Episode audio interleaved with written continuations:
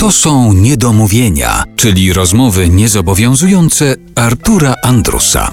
Wojciech Karolak jest dzisiaj naszym gościem w Niedomówieniach w RMF Classic. Muzyka filmowa to hasło w tej stacji radiowej pojawia się bardzo często. Zdarzało ci się oglądać jakieś filmy ze względu na muzykę, albo na przykład podczas oglądania filmu zorientowałeś się, że muzyka w tym filmie jest dla ciebie najważniejsza?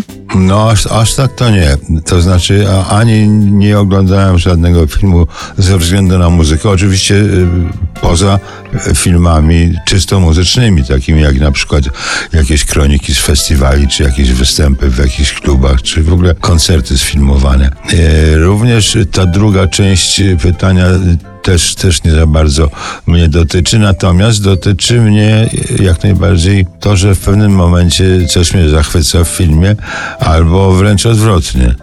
I na to, na to wtedy rzeczywiście zwracam uwagę. E, przy czym nie mam jakich, jakichś swoich ulubionych kompozytorów filmowych. Tak jakoś się to losowo układa.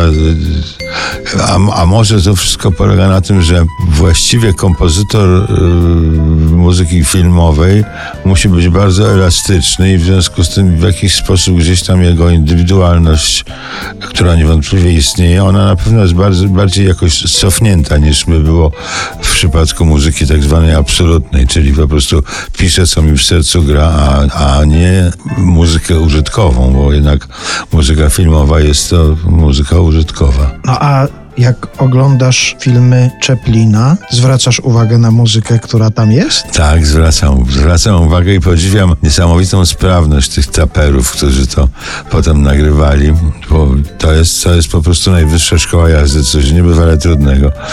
No i ta muzyka świetnie, fantastycznie zupełnie podbija tę całą akcję, która tam w, też w nieprawdopodobnym tempie dzieje się na ekranie. Bardzo mi się to podoba, uwielbiam to. I Chaplin to jest twoja ukochana postać, twój Oj, ukochany tak. twórca. Oj tak, tak, tak, tak, tak.